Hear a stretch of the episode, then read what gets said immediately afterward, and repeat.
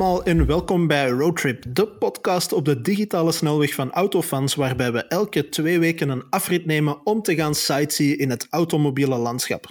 Ik ben Wim van Autofans en bij mij ontspannen en uitgeslapen terug na enkele weken deugddoende vakantie Yves Wouters. Hallo!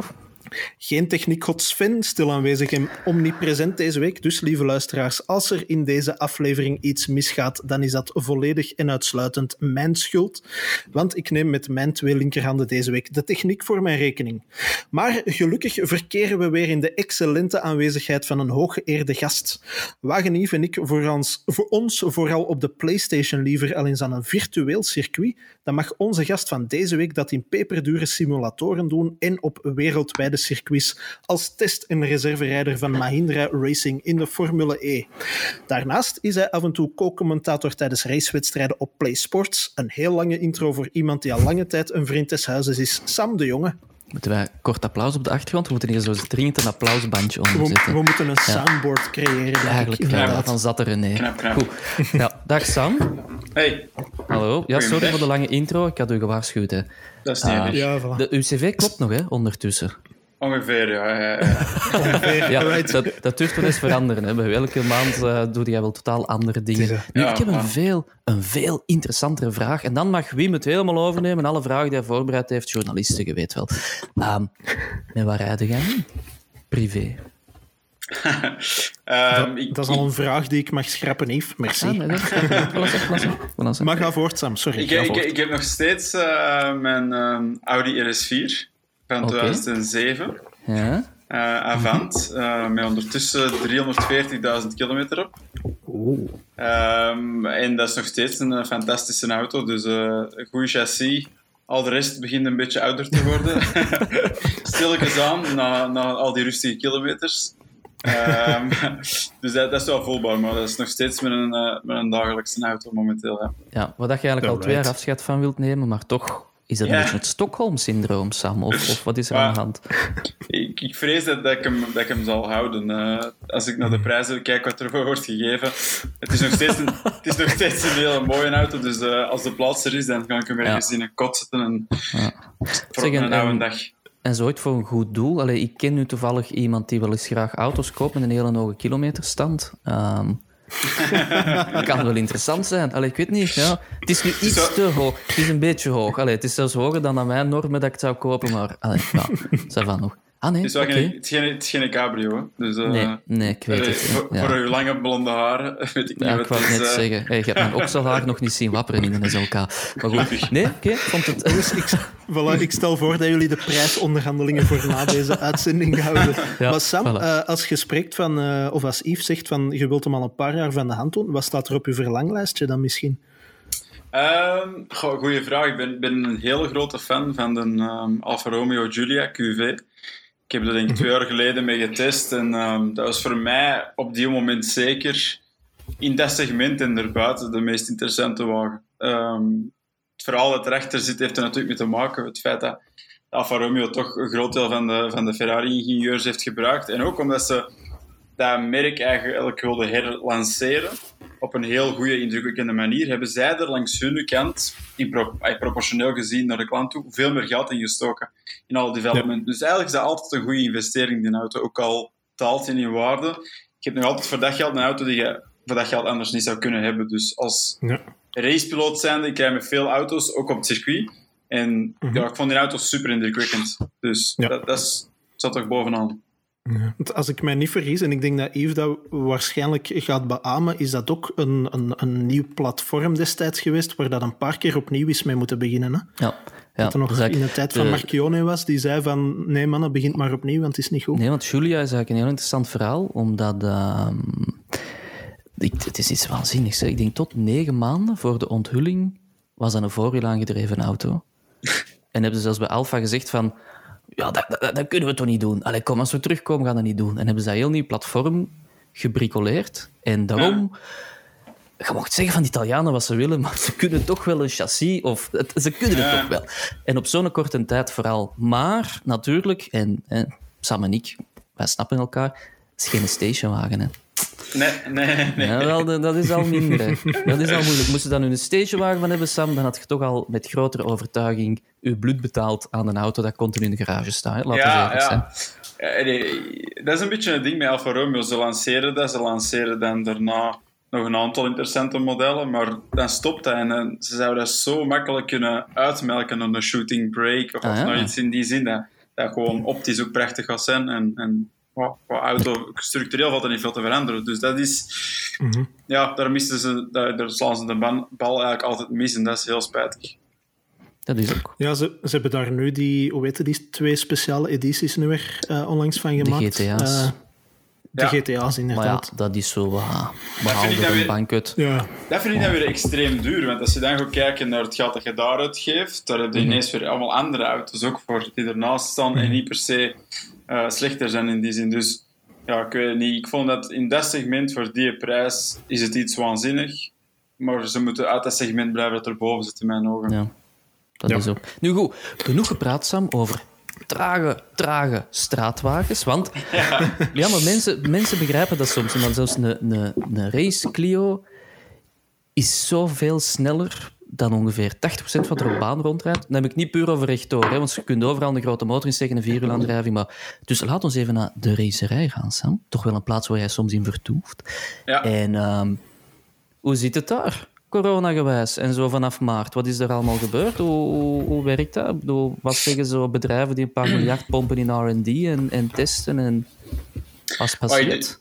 Ik denk dat het allemaal wel een beetje is ehm, allee, stilgevallen. Er is natuurlijk de shockwave eh, die door de automotive is gegaan. En um, racerij is denk ik maar een afgeleide de- van, van de automotive en leeft natuurlijk op wat constructeurs willen doen en investeren qua marketing en, en R&D. Dus in die zin hebben we dat zeker wel ehm, gemerkt.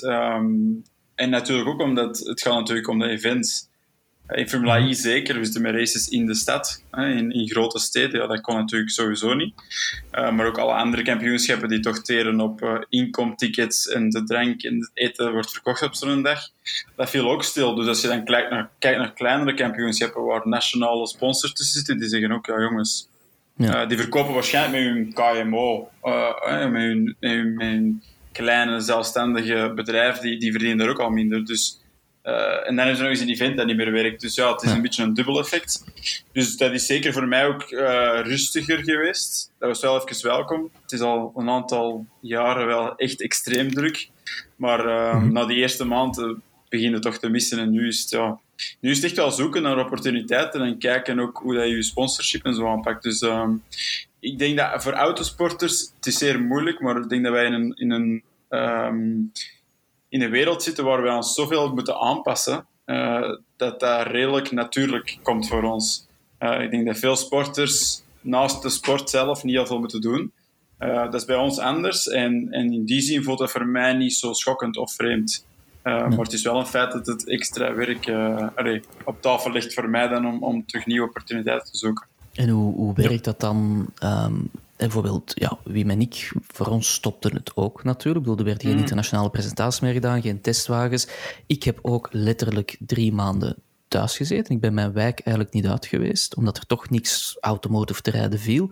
Dus ja, Wim kon al niet met een auto rijden, ik ook niet. Dus we konden helemaal niet met een auto rijden. Nu, dat is niet erg, want niemand in België kan deftig met een auto rijden op de openbare weg. Nee. Maar hoe werkt dat als, als racepiloot? Ik bedoel, kun je zomaar zeggen... Of, allee, moet ik dat zeggen? Als je een maand lang niet op circuit bent geweest, ah, dat voelde toch? Dat kruipt toch in je kleren, in je reactie? Of, nou, of hoe, hoe trainde dan? Hoe doe je nee, dat dan? Nee. Maar ik denk sowieso dat in elke sport, hoe meer dat je kan trainen, hoe, hoe beter dat je mm -hmm. bent en hoe, hoe, meer dat je de kleine uh, details kan, kan verbeteren. Maar langs de andere kant, ook weer daar zitten wij in een sport waar training sowieso zeer beperkt is. Hey, mocht je nu kijken naar hoeveel train je op, op maand tijd, buiten raceweekends, is dat meestal nul keer of één keer. En dan spreken we over één dag. Ja. Dus in die zin, uh, ook daar was dat iets minder impactvol, denk ik, voor mij dan voor misschien andere sporters. Mm -hmm. um, dus ik heb mij eigenlijk vooral gestort op, het, op de voorbereiding daarvan. Fietsen, lopen, de fysieke kant, zal ik zeggen. En een beetje de businesskant natuurlijk, omdat, uh, omdat ik moest kijken natuurlijk hoe, de, hoe, hoe ik mijn inkomen ging uh, voorzien in de komende maanden. Dus daar heb ik ook al naar gekeken. Maar ja, dat is natuurlijk lastig om uit dat race-ritme te geraken, maar ook daar voor mij, ik heb zo'n bumpy parcours gehad tot nu toe, dat ik, dat ik er redelijk makkelijk aan kon aanpassen. Ja, oh ja. Dus, uh, het was ook niet dat je zo'n soort van craving begon te krijgen van potverdorie, Ja. ik wil terug in een raceauto stappen, dus ik ga maar wat Candy Crush... Bestaat het? Er zal tegenwoordig al met auto's bestaan of zo, dat je zegt, heb je thuis eigenlijk iets van simulator staan? Ja, maar ik, ik, momenteel hier dus niet. Ik zit in de, de mooie werkkamer van mijn moeder. momenteel. Ah, Eh, ze, is, ze is hier niet, ze is, ze is hier niet aanwezig. Maar eh, eh, nee, ik, ik, eh, ik, zit tussen twee verhuizen in. Maar ik woon Ah, in. Antwerpen normaal gezien, in, in de stad. En ehm, daar heb ik een simulator. Daar hebben wij ook wel een aantal dingen mee gedaan. Voor sponsors, voor kampioenschappen. Hele virtuele. Maar eerlijk gezegd, ja, ik, ik, ik was er niet mega in mee. Ehm, Ja. als je er echt goed in wilt zijn, dan moet je eh, er eigenlijk dag en nacht mee bezig zijn. Ehm, En daar was ik niet echt van zins. Ik heb ook andere dingen te doen. En, en dat interesseert mij gewoon niet zo hard. Dus eh, ja, ik, ik kon mij soms wel eens uitleven op die manier, maar voor de rest was het inderdaad wel eh kinkloppen. Hè? Voilà, dat gaf je niet echt voldoening om zo in Gran Turismo Nee. op, op spat te rijden. Nee. Dus Nee, me nee. ook zeggen dat het feit dat ik al duizend rondes op spa heb gereden in Gran Turismo, dat dat eigenlijk gewoon totaal niet vergelijkbaar is met echt eens op circuit te rijden. Maar Nee, ik bedankt eh, om die droom op stuk eigenlijk te maken.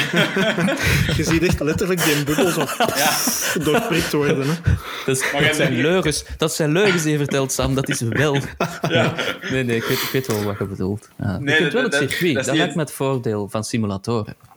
Al- Ja, dat, dat, Allee, dat het ook- circuit, je weet dat er een bocht naar links komt. Hoe dat je aanvoelt is nog altijd anders, maar... Voilà. Ja. Maar je moet, je moet in mijn ogen een simulator gebruiken waarvoor het dient. Het is geen exacte manier van, van, van eh, het reproduceren van hoe het is op circuit. Nee, nee, het nee. gaat inderdaad om je gewoonte makkelijker te kunnen memoriseren hoe een circuit loopt en er gewoon al iets meer thuis te voelen. En als je dan uit de pits rijdt, ondanks dat dat niet meer virtueel is en dat je in een echte auto zit met echte riemen, etc., voelt het toch meer, iets meer vertrouwd. En racing is zo'n snelle sport. Hè, onze processor in ons hoofd moet heel snel draaien, want er zijn heel veel impulsen en prikkels die komen.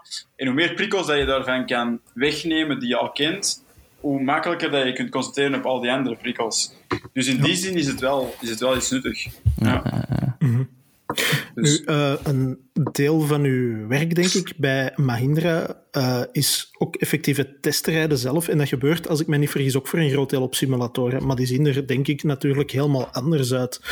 Eh kun je het eens omschrijven? Want dat spreekt eigenlijk wel heel erg tot mijn verbeelding. Zo het echt, de, de echte professionele simulatoren waar, waar, waar auto's mee worden afgesteld en Ja. die dingen.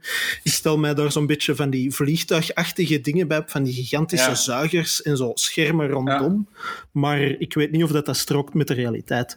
ja, ik ken natuurlijk Yves een simulator niet, maar... ehm, Ik denk dat dat gewoon een sturkje is, Allee, vastgeplakt op niet zijn voor speed bureau. PlayStation 2 is dat eigenlijk, maar goed. Ja.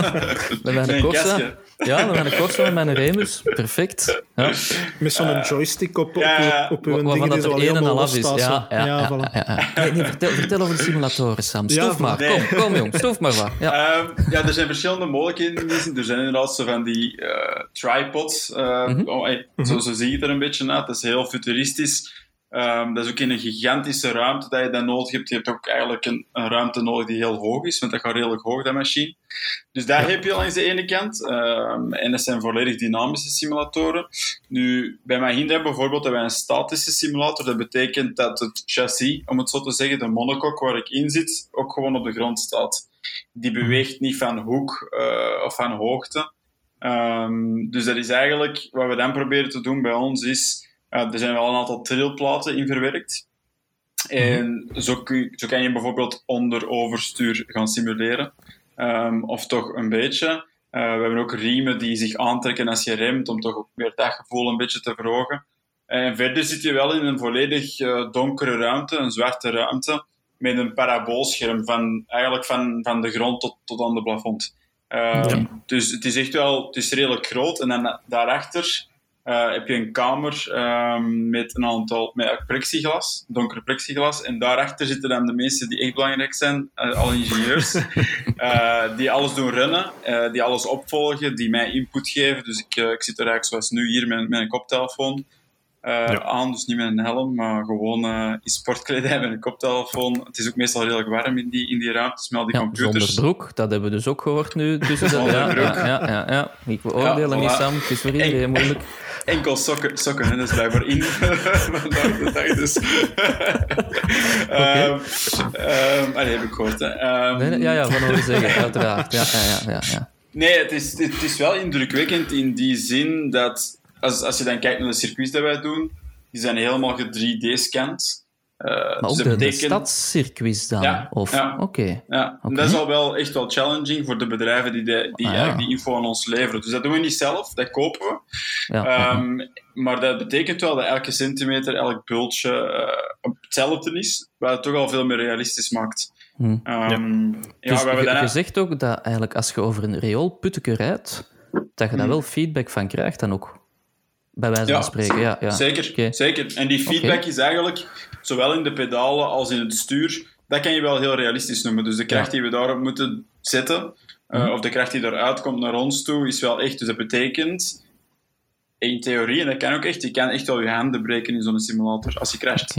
Oké. Hij Dus, wil het eh, cool maken. Hij wil het cool maken. want- Zie, Dat kun je niet met je PlayStation. Ah, wel, maar nu ga ik eens iets anders eh, vragen. Dus ja, als ik mijn thuissetup gebruik met mijn 18.5 Dolby Surround System en mijn Corsa, ja, daar komt, ik weet niet wat lawaai uit van die Remus dat op die Corsa steekt en dan zo een of ander eh, Queens of the Stone Age komt door de luidspreker. Nu, jij test op een simulator Formule E-auto's. Mhm. Wil dat dan zeggen dat dat gewoon een doodse stilte is en je wordt alleen een ventilator van, van de computer? Of, of Nee, nee ge- gelukkig niet. Ehm maar uiteindelijk, in, in Formula E is er, is er wel geluid aanwezig. Het is een beetje het geluid van ja, de meeste elektrische auto's die we vandaag de dag, dag kennen. En je hoort natuurlijk wel meer geluiden, curbs die je neemt. ehm, ja, de banden die hoor je ook wel veel harder. Letterlijk piepen eigenlijk. Hm, hm. Ehm, je hoort inderdaad meer windgeluid, maar er is wel een zeker geluid ehm, van de auto zelf. En dat dus- wordt gesimuleerd? Of... Dat wordt gesimuleerd. Dat is exact eigenlijk uh, ja, op dezelfde manier de rest van de software wordt gesimuleerd. En dat is eigenlijk ook allemaal wel redelijk realistisch. Maar ik denk dat dat, dat is eigenlijk zoiets. Mochten zelfs jullie daar nu na een dag instappen, eh, een dag erin zitten, Mhm. Dan, dan let je er eigenlijk niet meer op. Dan let je er Nee. niet meer op dat het elektrisch is en dan let je er ook niet meer op dat, dat er wel of geen V10 Want dat was, of dat V12 ook iets dat ik mij al, al heel lang afvraag. Ehm, ja, Formule E elektrische auto's, die zijn, zoals gezegd, stiller.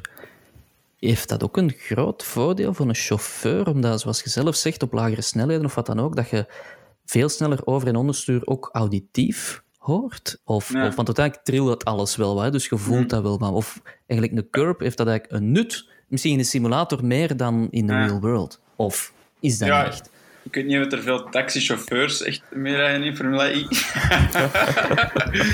kan even corrigeren, hè. Ik kan even mijn- mijn beroep eh, verdedigen. Nee, nee. Eh, nee het, het, het, heeft het heeft geen voordeel. Het, is Nee. niet, het, het heeft geen enkel voordeel voor ons. Ik hou ook wel ergens van het geluid van een grote motor en van de piswagen. Dus eh, voor te schakelen en zo heb je dat ergens wel nodig, dat geluid. Nu ook in Formula E, er zijn geen versnellingen. eh, of we gebruiken dat niet meer tegenwoordig.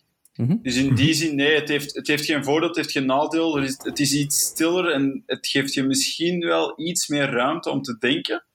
Mhm. Ehm, en dat is zowel goed als slecht, denk ik, in een raceauto. Als je veel kan denken, dan betekent het meestal ook dat je soms wat te traag gaat gaan. Ja. Ehm, en, en te veel rekening houden met dingen. Aan de andere kant, Formula E is een, een raceklasse met heel veel cijfers. Het is heel cijfermatig.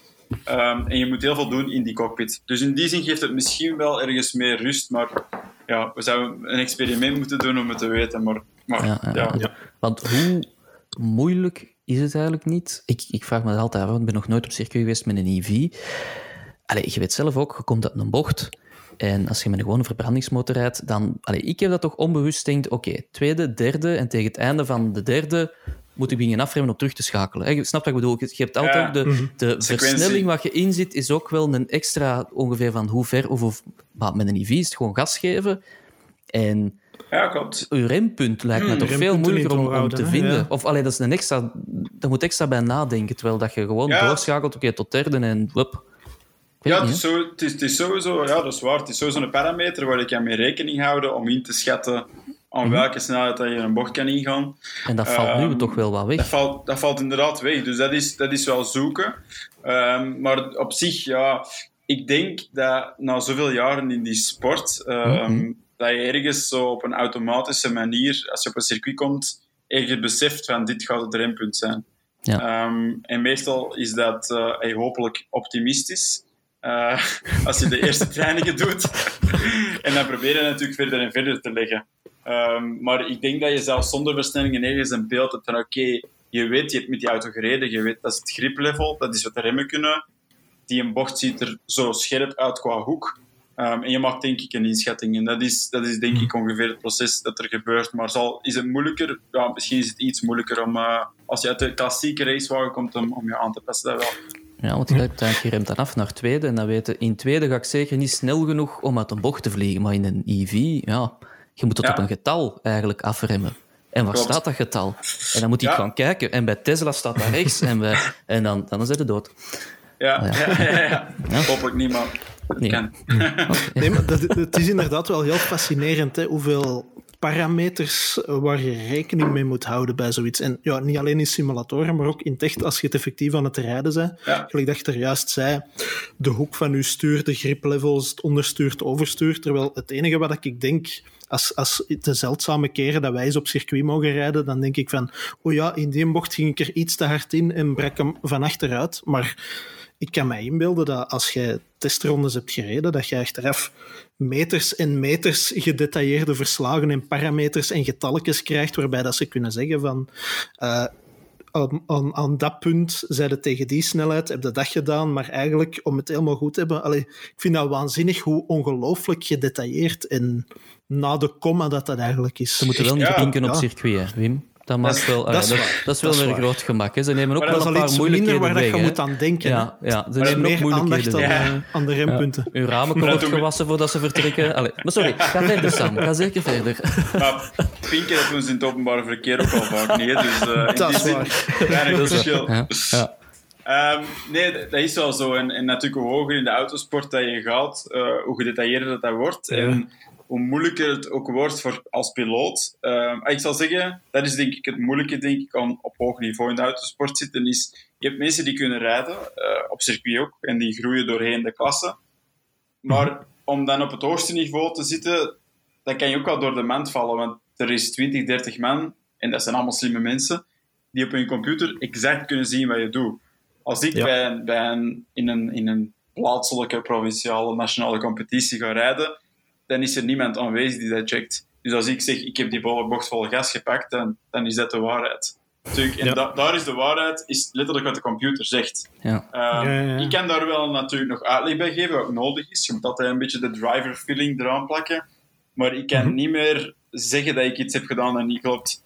En dat is denk ik wel, allee, dat is wel moeilijk. Want ehm, ja, er zijn ook al van alle dingen die gebeuren die je niet echt zo bewust meemaakt. En die je dan achteraf op je bord krijgt. En ehm, ja, ik denk dat, dat, dat je analytisch vermogen ergens wel eh, er moet zijn. En ook ehm, echt je zelfkritiek en, en je reflectie van oké, dat deed ik dan wel niet. En, en je moet er heel diep in kunnen gaan, Ja. denk ik, om het enigszins aan te passen. Dat is wel een feit. Mhm. Ja. Zijn dat de dingen die dat je ook echt hebt moeten ontwikkelen om echt ja, door te stomen naar het niveau waar dat je nu zit? Want je hebt uiteindelijk al best wel jaren ervaring. Ik ben daar straks eens in onze archieven gaan kijken en Ja. de eerste melding van uw naam op Autofans is echt letterlijk van 2010 geleden. Ja. Heb jij, Dus- heb jij de je hebt ook eerste al- editie van Autofans, het magazine, nog gelezen? Allee, ongelooflijk. Toen we nog print die- waren, zo Ah, wel, die, die vergeelde papieren in de archieven bij ons. Maar dat was niet En wel. die, Dat die was niet wel. GeoCities website, die Ja, heb ik ook nog gevonden. Maar dat was toen al zo, Voilà. dat, dat vergeelde. We hadden eigenlijk gewoon... Heel Autofans is gebaseerd op het feit dat een andere Wim is op een, eh, een uitverkoop zo bevochtigd papier een paar ton heeft kunnen kopen. En dan dacht ik, dan maken we er niet eens een boekje van. Dan maken we er niet eens een boekje van, als we toch bezig Voilà. zijn. Hoe moeilijk kan dat zijn? Kom, we bellen iemand. Sam, kom, zeg eens iets. Ja, ja. Nou, dat is waar. Nee, maar je hebt dus eh, dat inderdaad al best wel wat klasses doorlopen. Ook. En, en ja, ik neem aan dat, dat elke nieuwe klasse dat dat nieuwe uitdagingen met zich meebrengt, nieuwe manier waarop dat je als, als racepiloot moet kunnen ontwikkelen. Hè? Ja, sowieso. Ik denk dat je van elke auto iets kan leren en van elk team ook. Ehm, en ik heb doordat ik een redelijk bumpy parcours heb afgelegd, heb ik met heel veel verschillende auto's gereden in, in, in tal van situaties, meestal last minute. Ehm, en dat, dat, heeft er ook wel... Je wordt natuurlijk gevormd door het proces dat je doet, en dat is voor iedereen anders. En uh, voor mij was, was enerzijds een feit was dat ik eigenlijk niet echt het budget had om, uh, om volledige kampioenschappen af te werken of bij de beste teams te rijden. Mhm. En allee, dat, dat, dat noopte mij natuurlijk om, om alle kansen aan te pakken die, die, die ik kreeg. Dus uh, dat was heel vaak last minute. En dat heeft ervoor gezorgd dat ik, heb moeten leren om, om met zo weinig mogelijk crashes zo snel mogelijk te gaan en zoveel mogelijk te geraken. Um, ja. En dat is, daar leerde natuurlijk heel veel van. Uh, en de analytische, denk ik, is ook wel daarmee doorgekomen. Maar ik denk het ook wel ergens in je persoonlijkheid zo aan moet zitten.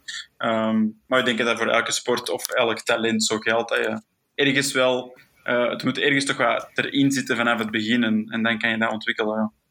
Ja. ja. Was er zo doorheen uw, uw, uh, uw parcours tot nu toe zoal één klasse of auto of aandrijving of circuit dat u echt, echt de voeten uitstak. Dat je dacht, echt, dit is het niet. Dit is afschuwelijk. En dat kan niet, dat is niet omdat dan een auto slecht is, maar omdat uw ding misschien niet was. Hè? Of, ja. of een klasse van dat je zegt, ik voel mij hier echt niet Ik, ik vind nu echt niks. Was, dat een micro, was dat een micro-rally of niet?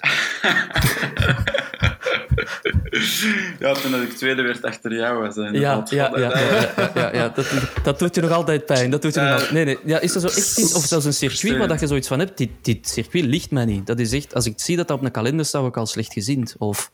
Nee, dat eigenlijk niet. Nee. Je hebt altijd wel circuits die misschien nu eerder wel goed liggen, of beter mm -hmm. liggen dan, dan andere, maar niet... Allee, ik heb persoonlijk niet zo'n circuit dat ik zeg, okay, dat, oh, ik, ik, ik, lukt daar niet. Um, dus tot nu toe maar auto nog niet. dus wel. Dus fingers crossed. Ja, auto's, um, niet veel, maar toen was ik in 2016, ik heb mijn eerste jaar TCR gedaan, dus touring cars. Uh, mm -hmm. Dat was voorwiel ja. aangedreven auto's. Dat, tot dat punt had ik dat nooit gedaan en ik hoopte dat ik dat ook nooit moest doen. Uh... Nog, nogthans, met een RS4, het begrip onderstuur is toch niet allee, zo onbekend eigenlijk. Fel, fel aanwezig. ja. Maar dat, dat vond ik echt gewoon niet plezant. Of... Um, goh, nee, initieel vond ik dat heel moeilijk, omdat dat gewoon indruist tegen elk principe dat ik ken Mm -hmm. uh, wat betreft uh, mijn auto snel rijden. En ik had dat natuurlijk zo geleerd. Dus, dus toen als ik erin stapte en ik, ik ging voor de bocht van de gas, dan ging de heel de achterkant zo... En om die dan te redden moest ik niet lossen, maar gas bijgeven. Ja, ja, ja. Ik had tien jaar iets helemaal anders gedaan. Dus dat was mhm. super moeilijk uh, initieel. Maar langs de andere kant, als je daar dan beter in wordt, dan voel je ook wel plots een completere piloot. Ik heb er ook wel, denk ik, best wel wat races op twee jaar tijd gewonnen. En dat is dan wel leuk, omdat je dan voelt, oké, okay, ik, ben, ik ben gewoon completer dan ik ervoor was. Ik, ik dacht dat ik dat nooit wou doen. Ik moet het nu doen, omdat ik in die, in die situatie terecht ben gekomen, omdat het het beste is wat ik nu kan doen. Um, en als het dan lukt, is dat wel fijn. Ja. Um, ja. Maar ik denk dat van nature uit nog steeds vind ik dat nu niet de meest aantrekkelijke vorm van racen. Ja. Kun je inbeelden, Wim, als je zo op een dag wakker wordt en denkt, ik moet vandaag op circuit gaan racen. In een voorwiel aangedreven auto. Maar mijn leven is en, zo zwaar. Terwijl dat Lilian... En dan noemen om, ze autojournalisten terwijl dat, mensen.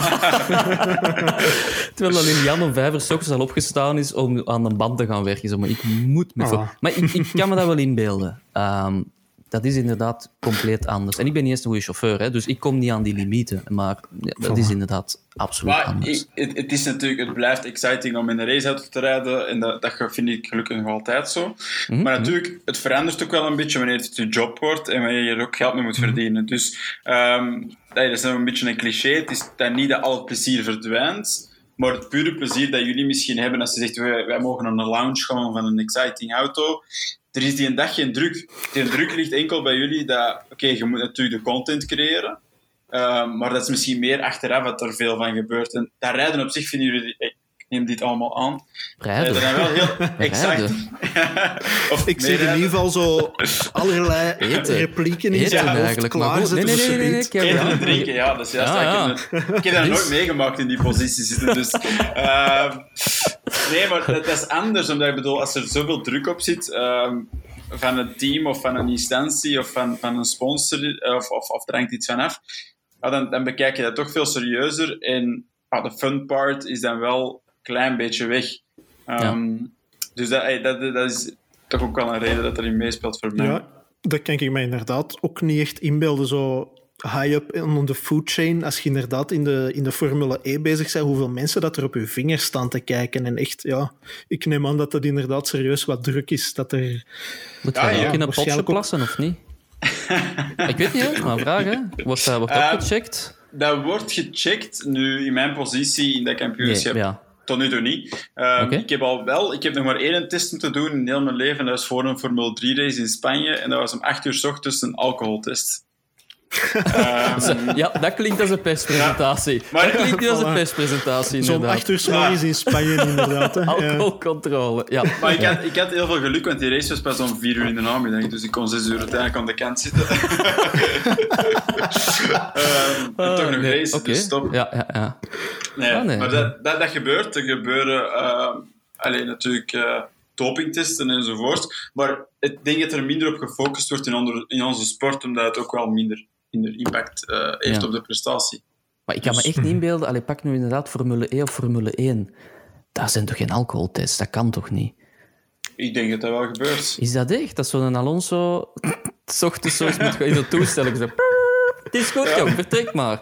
Ja, Ja, ja ik vind dat... st- Ja, net speciaal. ik- Ik stel mij dat wel voor, zo in de wilde jaren 60 en 70, Ja. toen dat zo roken nog gezond was en al, Ja. dat al die piloten inderdaad zo na een goede borrel om hun moed in te drinken in van die... Maar hoe toen werd er geweldig zou... gerookt op de griet, hè. Dat was, dat was Ah, ja, fantastisch. Maar, hoe geweldig zou dat niet zijn als je zo voor uw, uw, eh, uw oefensessie op circuit komt en je zit zo twee bochten verder en dat is zo zo'n combi te zwaaien. Vodka, dat je moet stoppen voor een zo, ja. alcoholcontrole. En iedereen staat er zo te wachten.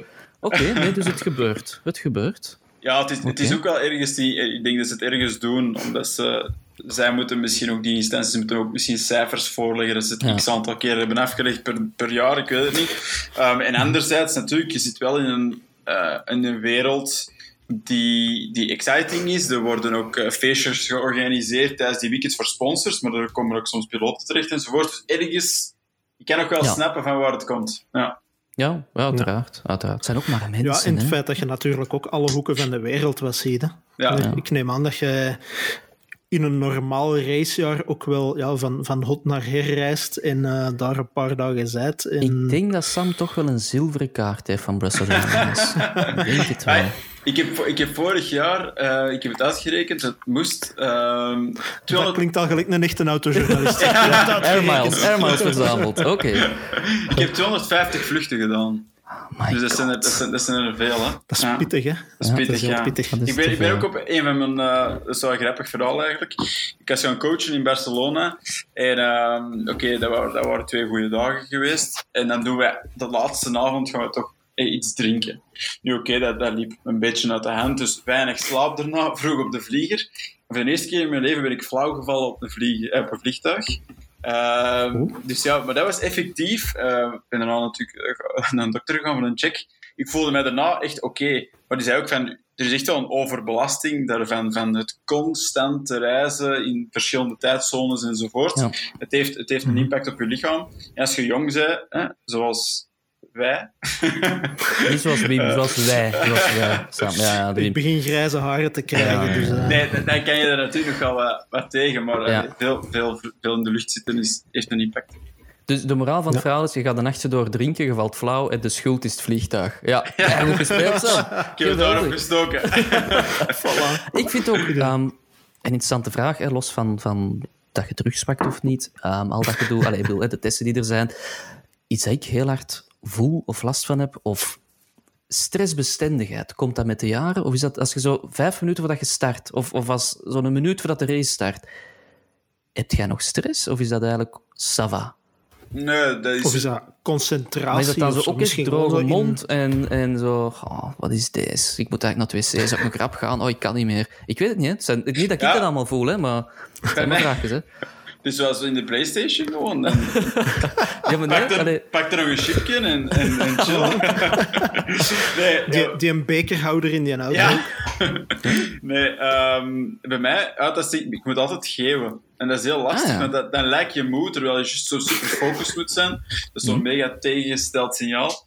Eh, maar eh, nee, ik denk dat dat beter doet, omdat je natuurlijk je zekerder voelt in de aanpak die je moet hebben tijdens een start.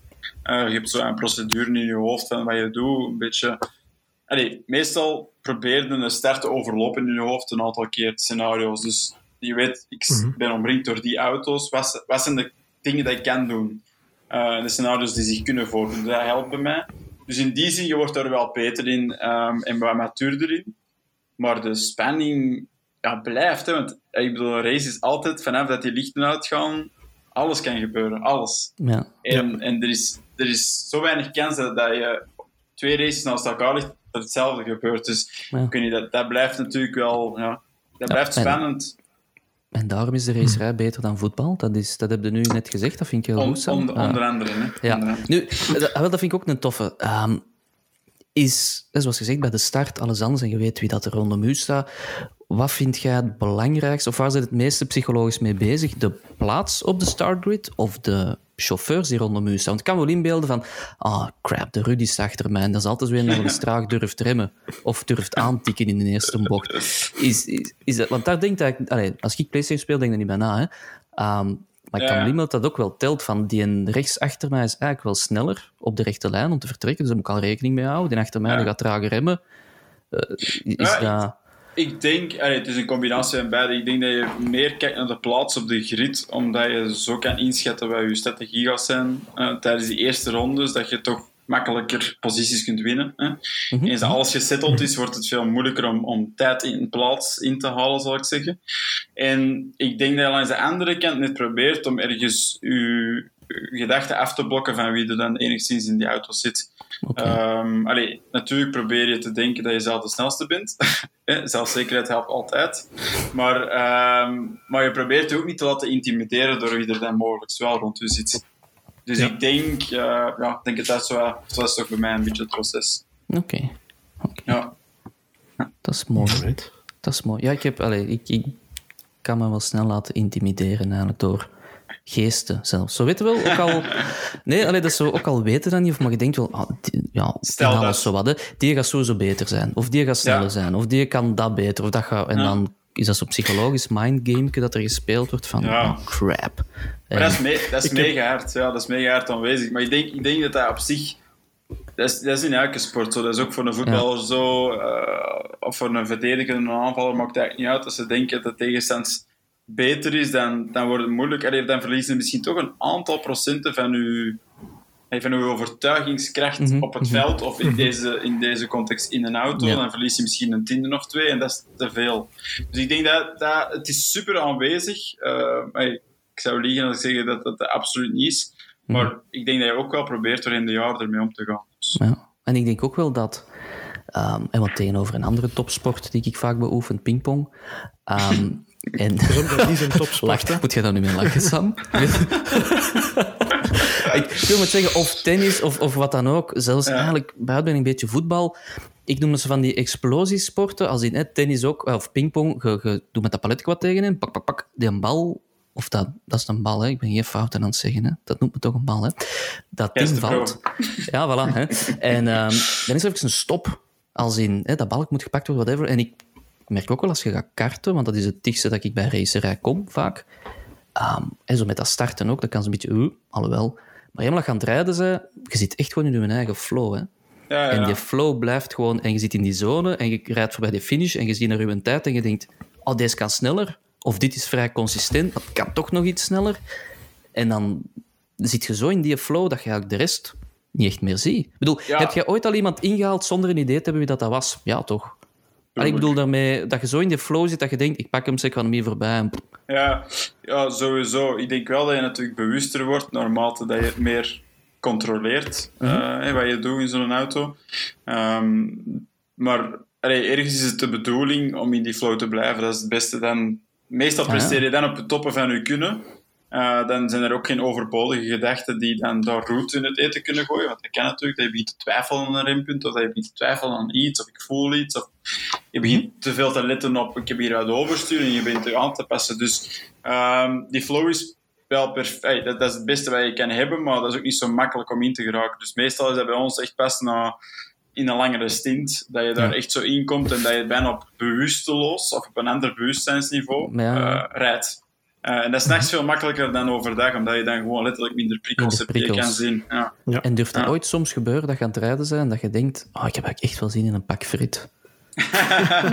kan dat? Ik weet het niet op een hoog niveau. Hè. Bestaat dat? Dat je dan echt zo aan het wegdenken bent? Zo toch even dat je denkt, nee, terug focus, kom, circuit. Ik heb dat soms tijdens de werkuren. Dus, Ja, ja maar dat is echt gefocust zijn en niet, hè, Wim, dat weten we Alleen nee, ik vraag, ja, ik, ik Nee, vind dat fascinerend. ehm, Omdat dat- je kunt ook op de dat autostrade 300, 400 kilometer rijden en dan zeg ik heel tijd aan het denken aan oh, straks ga ik dat eten en oh ja, ik moet eigenlijk Ja. naar die mens bellen.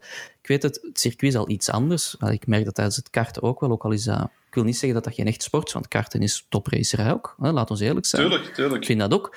Ehm, maar ik kan me wel inbeelden dat je zo een, een stint, je een 24 uur race meedoet, en je rijdt zo'n lange stint. Ik kan me toch echt niet inbeelden dat je geen één seconde denkt van, nou, Pamela Anderson, nee, terug focus, sorry. Ja. Dat, kan, allee, dat kan toch bijna niet? Ja, Pamela Anderson misschien wel, maar ehm, dat Maar ik weet eten... niet. Nee? Oei. Nee, het hangt er een beetje vanaf. Dat is, dat is soms... Het hangt ook een beetje vanaf in welke situatie dat je op dat moment zit. Dus stel, stel nu dat je in de 24 uren eh, vierde hangt en er is een reële kans om op te schuiven naar voren, dan probeer je wel alles aan te vallen op de best mogelijke manier. En dan is elke bocht opnieuw eh, eigenlijk een moment om het beste eruit te halen, zal ik zeggen, en Ja. te perfectioneren. Dus dan ben je daar niet mee bezig. Maar er zijn zeker al 24 uur races geweest die zo, waar je zo in dat automatisme komt, dat het supergoed gaat en dat je gewoon heel goed presteert, dat er dan eens ergens in je hoofd ruimte vrijkomt voor iets anders. Ja, En dan kan er Pamela wel communicatie... Ja. Voilà. Dan is er veel ruimte nodig, denk ik. Maar eh, nee, dan kun je wel communiceren met je team. Ehm, Mhm. Maar dat is dan meestal eerder tijdens safety car periodes of zo. Mhm. Dat je dan echt even zo decompressie doet. Ehm, En als het terug eh for real is, dat je dan wel terug allee, probeert je focus te krijgen. Ja, ja, ja, ja, ja. Het is, eh, Want Ja. ongelukken op het circuit, als in crashes, is dat meestal het gevolg van te ver pushen of van te weinig aandacht in de zone te zijn? Wat, wat, wat is uw mening daarover? Ja, dat kan beide zijn. Hè. Eh, ik, heb nu, ik heb nu onlangs een crash gehad, eh, twee dagen Ah, nee, dat, is- geleden. dat is niet dus, toevallig eh, dat ik dat nu zeg of zo, Sam. Maar, allee, ja. Ah, nee, nee, vertel, nee, nee, vertel. Niks van gehoord. Oké. Eh, nee, allee, het, is, het is moeilijk te zeggen aan wat dat ligt. Natuurlijk, snel rijden, of ik zal zeggen echt snel racen, is, is letterlijk balanceren op die slappe koers. Mhm. Dus als je, als je rijdt met een auto op circuit en je hebt zoiets van oké, dit gaat echt wel rap, maar er is geen enkele indicatie van een auto van het wordt hier soms tricky, dan is het sowieso niet snel genoeg. Ehm, en, en dus echt snel rijden is, is, is dat balanceren altijd. Dus het kan natuurlijk altijd aan de andere kant vallen. Maar je probeert het zo goed mogelijk te controleren. Ehm, en in die zin is er misschien wel een verschil dat wanneer dat je bijvoorbeeld oefenritten doet en je crasht, dan kan je of volledig over de schreef zijn gegaan en echt iets hebben geprobeerd en niet werkt. Of je kan natuurlijk inderdaad je, je concentratie verliezen, maar dat gebeurt niet zo erg veel. Omdat je in de racerij wordt je natuurlijk ergens wel gedwongen om geconcentreerd te zijn. Het is zo'n Ja. sport waar je kunt zo dromen. Ja, Ehm, ik kan me wel inbeelden, belastingsbrief binnengekregen, aan bras Ja. gemaakt met uw vrouw of vriendin. En, dat, dat- ja, ik weet het niet, hè. dat, dat kan zo een hoop van die factoren zijn. Uw, uw gasboiler kapot, moeten we wel laten veranderen, die mens moet komen zien. Dat dat wel in de kleren kruipt, sommige Ja, dat kan, wel, dat Ja. kan wel stress. Ja, dat kan sowieso stress aanwezig zijn. Maar tijdens een race is het denk ik meer, en dat was in mijn geval dan ook zo, proberen. ehm we lagen bijvoorbeeld in deze zin in de eerste positie met een halve minuut voorsprong. Het is gigantisch hard aan het regenen, maar echt gigantisch hard. En ze, ze zeggen eigenlijk tegen mij: blijf op slicks, eh, zo lang mogelijk. En dat was in Assen afgelopen weekend. En ehm, iedereen is aan het pitten. En ik zeg van jongens, over de radio het begint echt zo hard te regenen. Ik- Het is echt moeilijk aan het worden. Ik ben, Uiteindelijk hebben ze mij binnengeroepen en ben ik de pitstraat ingereden. En de pitstraat, eigenlijk heel het circuit is geherasfalteerd. En de pitstraat blijkbaar niet. En die ligt veel lager. Eh, dus dat, dat, dat moeten ze normaal melden in een briefing tegen Ja. ons. Want, eh, Was niet gebeurd. was niet gebeurd. Dus die lag compleet onder water. Dus ik, ik draaide er eigenlijk in tegen 140. En ja, next thing kon ik echt niks meer doen. Dus dat was aquaplaning. Ehm, en dat was het gewoon passagier zijn van mijn eigen auto. Dus in die zin vind ik niet dat het te maken had met concentratie ehm, of stress. Want ik, ik lag in een goede positie. Het ging al, eigenlijk al een half uur perfect. Ehm, maar dat, was, van het dat was eigenlijk gewoon brute pech, hè, Sam. brute En- pech. En, en, Allee, ik bedoel daarmee, gaat dat niet in de hand. Hè. Je hebt, je hebt Dat is alle een fact- externe factor. Voilà, Ja. en, Ja. en En dat kan dus, dat kan dus ook inderdaad iets zijn. Dat lijkt dus me zelfs het meeste geval van de crashes niet, brutte Ja, pech. ja. Ik bedoel, hoe vaak... Ik neem aan dat je wel al meer dan die ene crash hebt gehad.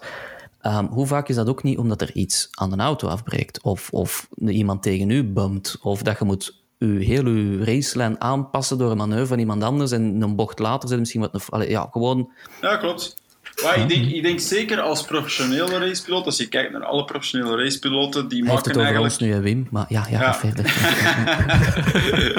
Ik was nog altijd aan de pak frieten aan het denken.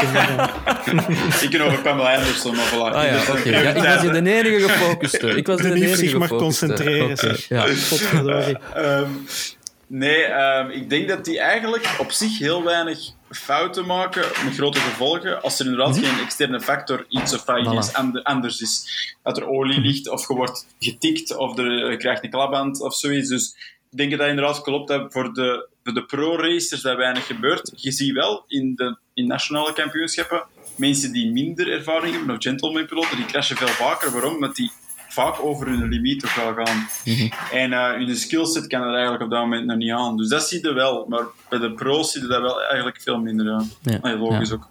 Maar, ja, maar natuurlijk, als in het midden van uw bocht een draagarm afbreekt, ongeacht dat je een pro of een je gentleman...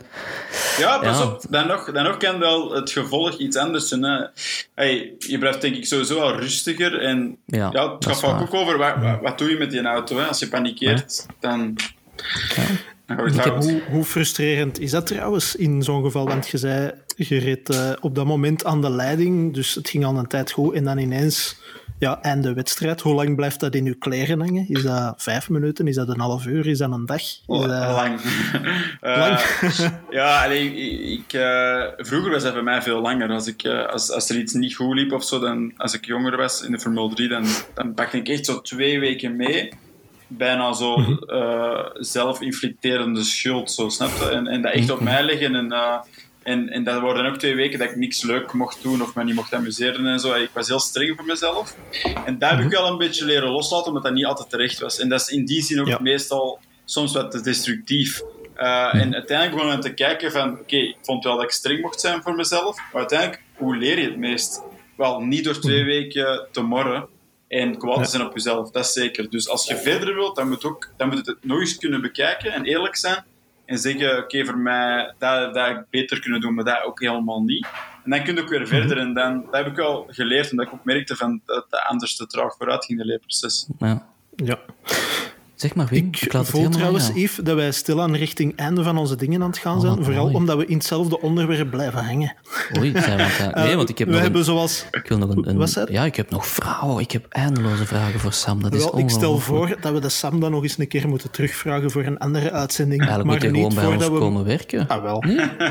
We moeten eens vragen of dat er nog budget is. Ja, voilà. Wat kost zo'n Sam? We gaan dat eens opvragen bij Mahindra. Voilà. Wat kost dat Voilà. eigenlijk? Voilà, ja, ideaal.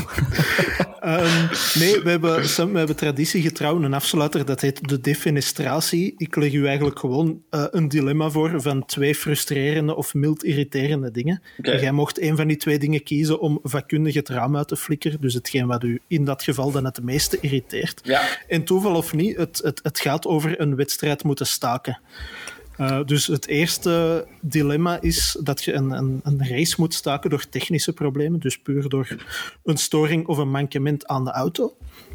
En het andere probleem is een race moeten staken door een manoeuvre van een tegenstander. Dus iemand die nu aantikt, waardoor dat je van de baan gaat of waardoor dat je in de muur belandt. Zo'n dingen. Dus uh, welke van de twee u het meest frustreert? Um, ik denk... Beide eigenlijk, ja, externe factoren Ja. dus die dat je niet bij jezelf kunt leggen.